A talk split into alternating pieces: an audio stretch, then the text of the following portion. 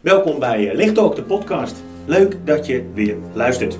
Wij maken een serie gesprekken van een klein kwartiertje met hele verschillende mensen over één thema: discipelschap. Jezus volgen vandaag de dag. Nou, ik zoek niet perfecte voorbeelden of ladingen tips, maar ik zoek jou. Onderweg met Jezus en anderen. Mijn naam is Richard Roest. Ik ben host van deze serie over discipelschap. En vandaag spreek ik mijn maatje uit Droef, Bram de Korte. Bram, kun je jezelf kort voorstellen en eens vertellen hoe ben jij nou leerling van Jezus geworden? Discipel Bram. Ja, discipel Bram is uh, uh, getrouwd met Jeanette en heeft twee kinderen en woont in Houten. Mm En wij zijn een jaar of 14, 15 komen wij in de lichtboog. En hoe is Bram discipel van Jezus geworden? Nou, dat is, een, uh, dat is heel lang geleden. Ja. Ik was een jaar of 15. En um, ik, um, ik werd meegenomen door een vriendje naar een, uh, wat toen nog heette, een gereformeerde jongerenvereniging. Kijk. En, uh, degelijk spul. Ja, degelijk spul, precies. En, ik, uh, en, en ik, ik voelde me daar thuis, ik vond het daar leuk en ik ging daar dingen leren over, over de Bijbel, over God, over Jezus. En ging daarover nadenken, was er mee bezig. Ik heb wel iets meegekregen van thuis, maar bar weinig. Ja. Um, en um, dus dat speelde in mijn leven. En toen was ik op een goede dag was ik uh, uh, ergens in een uh, soort dorpshuis waar een lokale disco was. Ja. Daar was ik ook. En daar waren, was een groep jongeren en die hadden het op mij voorzien. Hmm.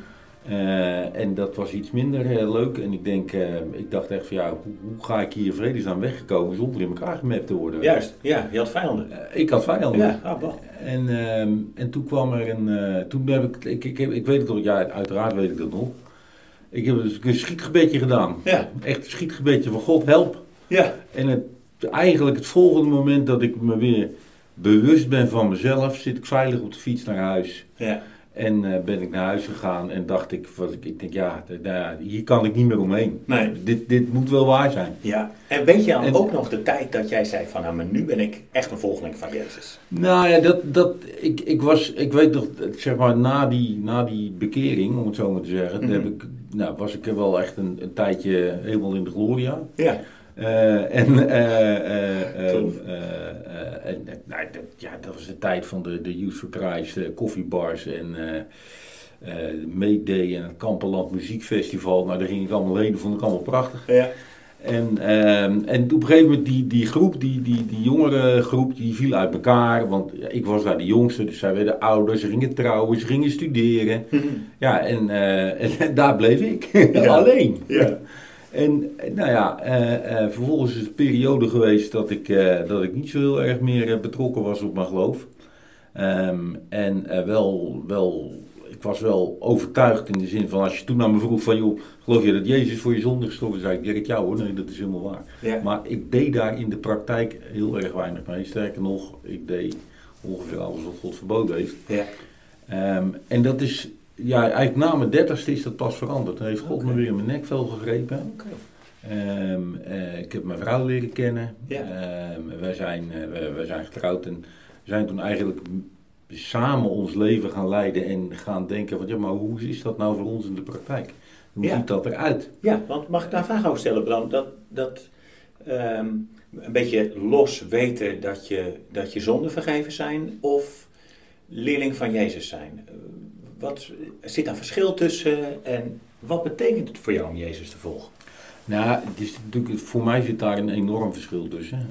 Uh, omdat, uh, ja, kijk, het volgen van Jezus betekent dat je, het, het, sowieso het volgen van iemand, Ja. betekent dat je denkt van, oh ja, daar wil ik wat van leren, of Ja. dat vind ik interessant, Ja, of dat boeit mij. of, een soort eh, intentie dat- ja, daar wil ik achteraan, zeg maar. Nou, dus dat, dat is al natuurlijk een enorm verschil. Ja, dat is gaandeweg uh, is dat gegroeid. Doordat je uh, toch uh, ja, je interesse hebt, je gaat boeken lezen, je gaat de Bijbel lezen, je gaat je komt met mensen in contact, je gaat bidden, je gaat ervaren wat de Heilige Geest in je leven kan doen. En Ja. daarin Hey, word je. Bram, je noemt best veel dingen op, ook even voor de luisteraars. Heeft dat voor jou allemaal met discipelschap te maken? Je gaat de Bijbel lezen, de geest van God is aan je aan het werk. Je, bent, je, je, bent veel gericht op Jezus. Wat, wat van dat discipelschap te maken in je leven? Wat, wat komt daarbij kijken? Nou ja, kijk, ehm, ik, uh, voor mij een uh, hongerig zijn naar meer weten, naar meer kennen, naar meer intimiteit met, met Jezus. Mhm. En dat, die hongerigheid, om het zo maar te zeggen, of die, die nieuwsgierigheid ook, ja. die komt niet uit mijzelf. En dat bedoel ik, ja, volgens tenminste, dat is wel de Heilige Geest die dat in mij doet of zo. En ja, kijk, het volgen van Jezus, ja, kijk, het is voor mij essentieel in mijn leven. Het is voor mij het grootste in mijn leven. En tegelijkertijd heb ik ervaren, heb ik geleerd dat het ook iets natuurlijks moet zijn. Iets vanzelfsprekends, iets... Je moet het niet te krampachtig, te moeilijk, te ingewikkeld en... Uh, uh, ja, ja, het moet zo natuurlijk in je leven, in je leven komen. Nou heb ik een uitspraak, en dat vind ik wel leuk, die hou ik wel tegen meer uh, mensen die ik interview over discipelschap. Uh, discipelschap zei iemand tegen me dat vraagt inzet en genade. En die vind ik een beetje spannend. Inzet en genade. Hoe, hoe, hoe, hoe zie jij dat? Horen die er allebei bij of schiet je er eentje af? Staan ze op spanning of ook weer niet?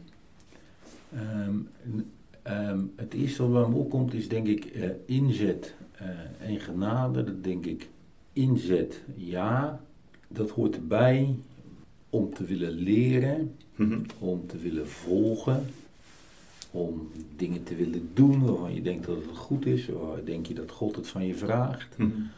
En de genade, je kan niet zonder die genade, omdat je ook, nou, ten eerste omdat we hem zo hard nodig hebben, maar ook omdat je ehm, daarin mag falen, daarin mag ja, volledig uh, de plank mag misslaan, uh, het niet goed doen, of juist veel te hoogdravend zijn, of ja. weet ik veel.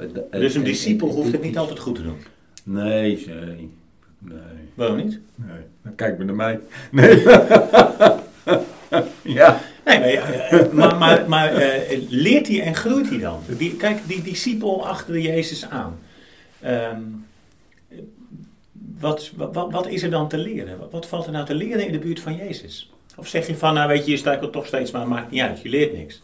Um, jawel. Um, kijk, Jezus zorgt ervoor dat ik een relatie heb met de Vader. Dat God dichtbij komt, die mhm. ik Vader mag noemen. Ja.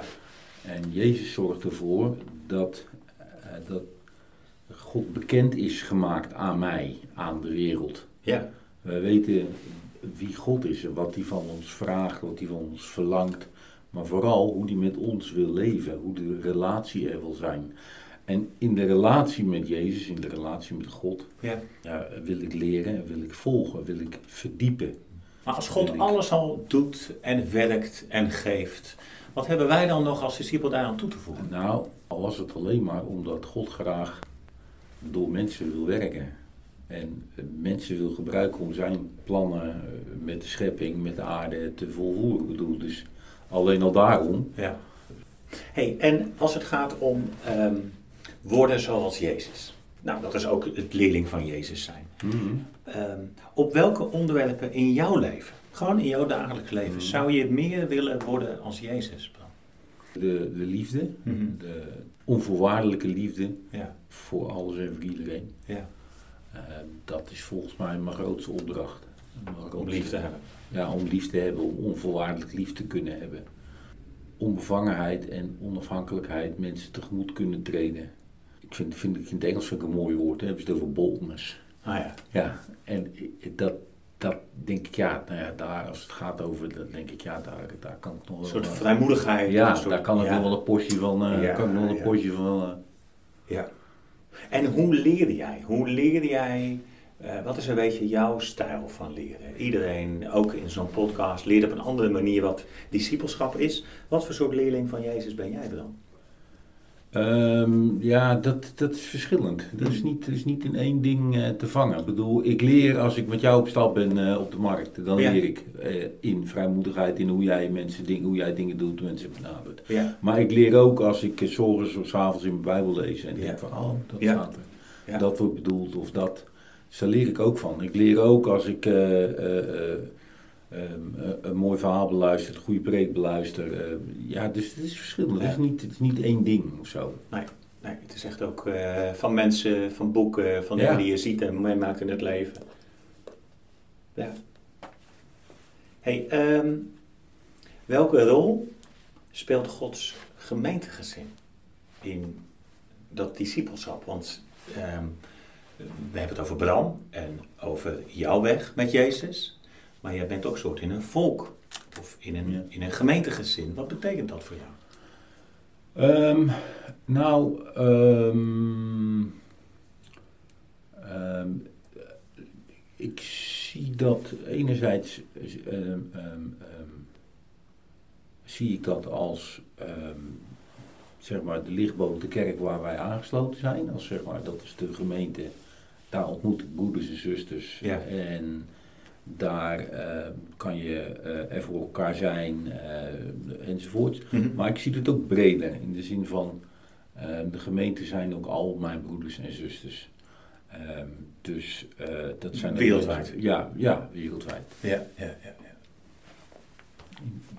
Hey, ik heb een, eh, een citaatje meegenomen van, ik heb een wat, wat inspiratiebronnen voor de luisteraars, Dallas Willard, Dietrich Bonhoeffer. En ehm, heb nu een eh, citaatje van, ehm, eh, uit het boek Heel je ziel en zaligheid worden als Jezus, van Dallas Willard. En die schrijft wel een, een, een, een, een diep zinnetje. Hij zegt, wilskracht is niet de sleutel tot persoonlijke hervorming, tot persoonlijke vernieuwing. Hij spreekt veel over discipelschap als soort geestelijke vernieuwing. En hij zegt, uiteindelijk moeten we het niet van de wil hebben. Hoe, hoe zie jij dat? Nou, dat kan ik van harte onderschrijven. En, en, en waarom? Ehm, omdat ehm, ik. ehm, ik denk, ik. eh, eh, kijk, eh, als ik. nou, dat- ik zit even te zoeken, maar kijk, in dadendrang Ja, ga ik het niet vinden. maar we zeggen vaak tegen elkaar, maar Bram, die, die vernieuwing of het loskomen van iets of eh, eh, fanatieke of, of liefdevolle achter Jezus aan, je moet het wel willen.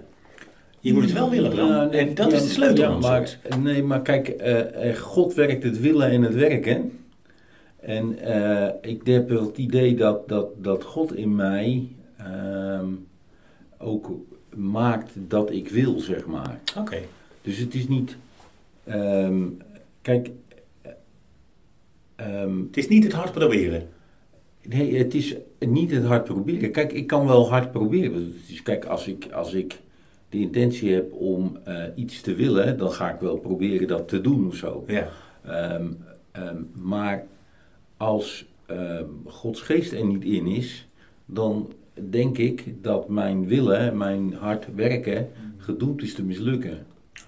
Ehm, dus eh, ja, het, ik denk ook, het is ook wel een beetje een wisselwerking natuurlijk. Maar kijk, wat ik, wat ik heel erg mooi vind, en heel, wat ik eh, wel- eens gehoord heb, en wat voor mij heel eenvoudig en ook heel moeilijk zinnetje is, maar wat wel de kern samenvat. Dus Ja. voor mij, let go, let God. Ja. En het is dus niet alleen het willen en het is niet misschien het hard werken, maar het is ook het kunnen loslaten en het in de handen van God kunnen leggen. En God het in jou laten willen werken. Ja. Dat is mooi. Dat is eigenlijk ook wel iets moois wat je, wat je de luisteraar eh, kan, eh, kan, kan meegeven. Ehm, we zitten rond eh, een kwartiertje. We hebben echt een eh, flinke oriëntatie eh, gemaakt. Eh, nog, één, nog één vraag, eh, Bram. Eh, discipelen maken eh, als, als roeping van Gods gezin. Hoe, eh, hoe, hoe kunnen we dat in deze COVID-tijd vormgeven? Nou, Maak alle volken tot mijn discipelen. Ja. Ja, volgens mij zijn daar, daar, daar, zijn, daar zijn volgens mij 20, 20 30, misschien wel 40 manieren op te bedenken. Ja, Weet je, en, en dat is eh, wat er bij je ligt, wat er bij je past. Mhm. Tegelijkertijd is dat openstaan om eh, te leren en je grenzen niet alleen te verkennen, maar er ook overheen te stappen. ja. Eh, en het is ehm, je niet laten beperken omdat het toevallig COVID is. Want dat slaat nergens op om je daardoor te laten beperken. Nou, jij zegt er zijn kansen genoeg Ja, om vandaag nog steeds ja ik, kan te nog, maken. ik mag toch nog steeds met mijn buurman praten. Ik Ja. mag toch nog steeds eh, boodschappen doen voor mijn buurvrouw. Ik mag nog steeds, dat mag allemaal. Dus Ja. ja. Mooi. Hey Bram, eh, super bedankt voor eh, dit gesprek. Een gesprek in het kader van ehm, Licht op de podcast. Die gaat over discipelschap. We gaan de volgende keer weer eh, met iemand anders in gesprek over dit thema. Nou, we hopen dat je de volgende keer weer meeluistert naar Licht op de podcast over discipelschap. Bedankt. Mail ons naar richardroest.delichtboog.nl